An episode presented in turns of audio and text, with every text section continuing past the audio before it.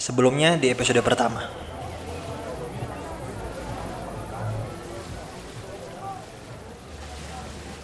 Gue tersentak karena tiba-tiba Milka menarik lengan gue sambil menunjuk ke arah Gunung Krakatau yang tengah mengeluarkan lahar tanpa henti.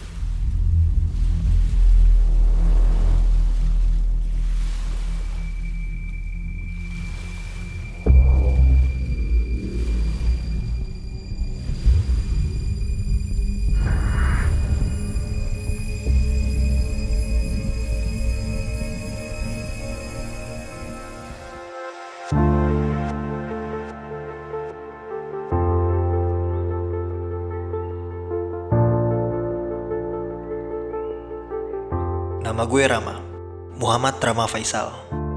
Gue profesional muda dan gue adalah survivor bencana tsunami di Tanjung Lesung 2018. Tsunami sempat mematahkan kaki dan semangat gue. Tsunami juga telah merenggut nyawa kekasih gue. Tetapi tsunami tidak menghentikan langkah gue. Sekarang, gue hadir dengan semangat baru. Gue dikasih kesempatan untuk hidup dan berbagi inspirasi. Lewat konten, gue akan membagikan berbagai cerita. Dan ini adalah kisah gue. Kisah berikut adalah reka ulang dari peristiwa bencana tsunami dari perspektif gue.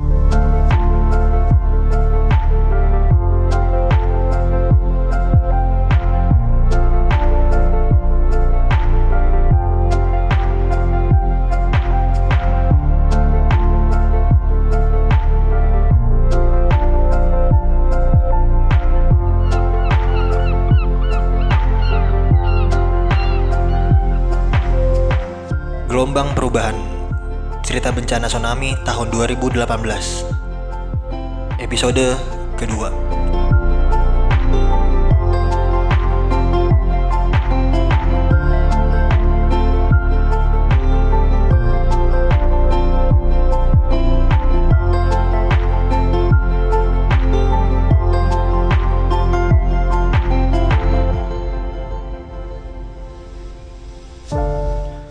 Jujur, gue kaget juga. Namun gue berusaha untuk tetap tenang dan balik menakut-nakutin Milka. Ayo lo Mil, ayo lo, ucap gue sambil nyengir. Gue melengos ke arah barista yang menyediakan kopi untuk acara malam itu. Aldiga dan Lorenzo. Dua teman baik gue semasa pendidikan penerbangan. Adalah barista-barista yang gue undang untuk meramaikan acara dengan prasmanan kopi dari coffee shop yang mereka kelola.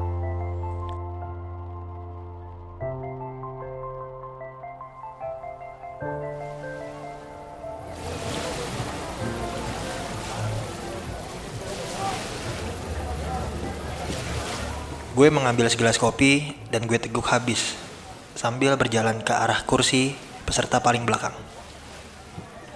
Gue iseng melihat notifikasi HP dan ternyata ada salah satu teman di grup WhatsApp yang meminta tolong untuk diambilkan konfeti-konfeti yang ada di cottage.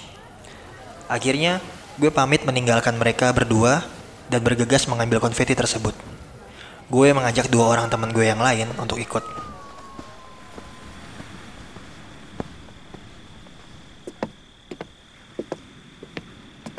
Karena posisi cottage itu terletak paling ujung. Di cottage, kami benar-benar hanya mencari konfeti secepat yang kami bisa dan langsung kembali ke venue. Sesampainya di venue, nyuruh gue untuk meminta teman-teman panitia memenuhi area di depan panggung. Karena sebentar lagi acara puncak, Band Seventeen akan tampil. Konfeti segera gue letakkan di samping stage dan gue bersama teman-teman panitia yang lain langsung menuju ke depan panggung. Di sana, gue hanya sebentar aja, Gue jalan ke arah belakang menonton untuk mencari minuman. Dan gue menemukan Milka bersama Adam yang sedang duduk menyantap makanan. Mereka baru bisa makan dengan tenang saat itu. Setelah banting tulang menjadi LO untuk Seventeen. Gue pun menghampiri mereka berdua. Belum sempat gue duduk,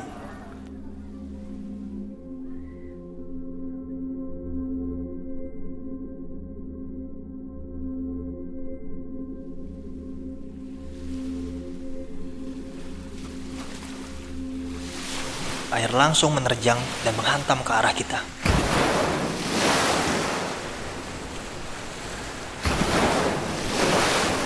Terdengar jeritan dari segala arah.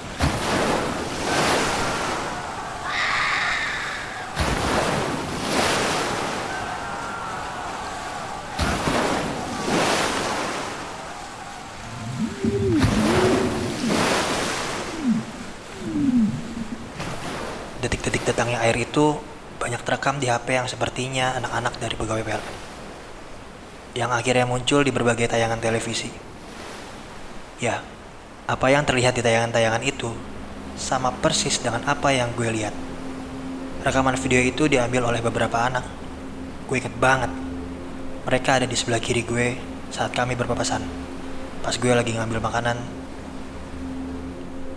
Ketika ombak datang, gue refleks balik kanan dan lari tunggang langgang ke arah tembok kolam berenang. Jadi, posisi kolam berenang itu lebih tinggi jika dibandingkan dengan tanah yang menuju ke pantai.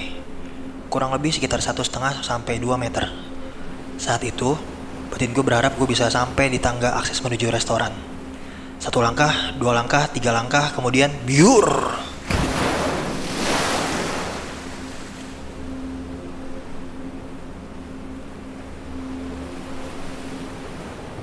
Gue kalah cepat dengan air laut.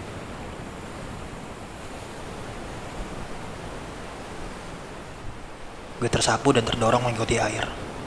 Dengan kencangnya, gue hanyut ke arah tembok kolam renang, dan sesaat sebelum gue menabrak, air dari arah kiri sudah menggulung dan menyeret gue masuk ke dalamnya. Di situ adrenalin gue menggebu-gebu.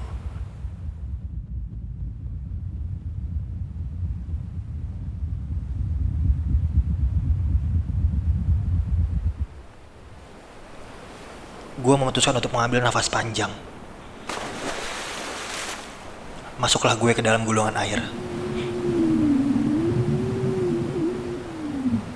Di dalam, yang pertama gue lakukan adalah membuka mata dan mencoba untuk berenang agar bisa terjaga di permukaan. Tapi usaha gue gak membuahkan hasil. Semua gelap, arus air pun kencang. Tapi gue gak nyerah. Gue mencari akal biar gue bisa bertahan di dalam air. Gue menutup mata dan melindungi kepala gue pakai tangan. Jangan sampai kepala gue terbentur dengan sesuatu yang bisa membuat gue gak sadarkan diri.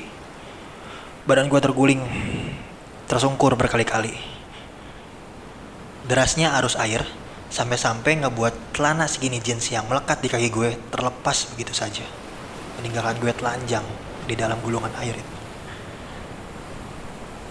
Di kondisi kayak gitu gue sempat mikir, gila ya, bisa juga gue kena tsunami. Ucap gue dalam hati. Karena di otak gue, bencana atau musibah itu hanya ada di berita televisi dan koran, cenderung jauh dari kehidupan sehari-hari. Gue mencoba untuk membuka mata lagi, tapi sekitar gue masih gelap.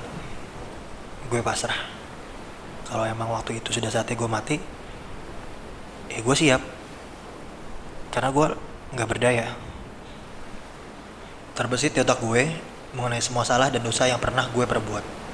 Dan rasanya gue nggak sanggup untuk mati di saat itu.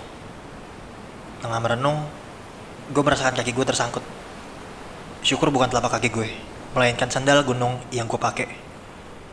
Padahal saat itu telapak kaki gue udah terlepas dari tali bagian depannya. Hanya tersisa tali bagian belakang yang masih membalut tumit. Sendal gunung gue menyangkut di suatu celah. Entah celah apa dan di sebelah mana.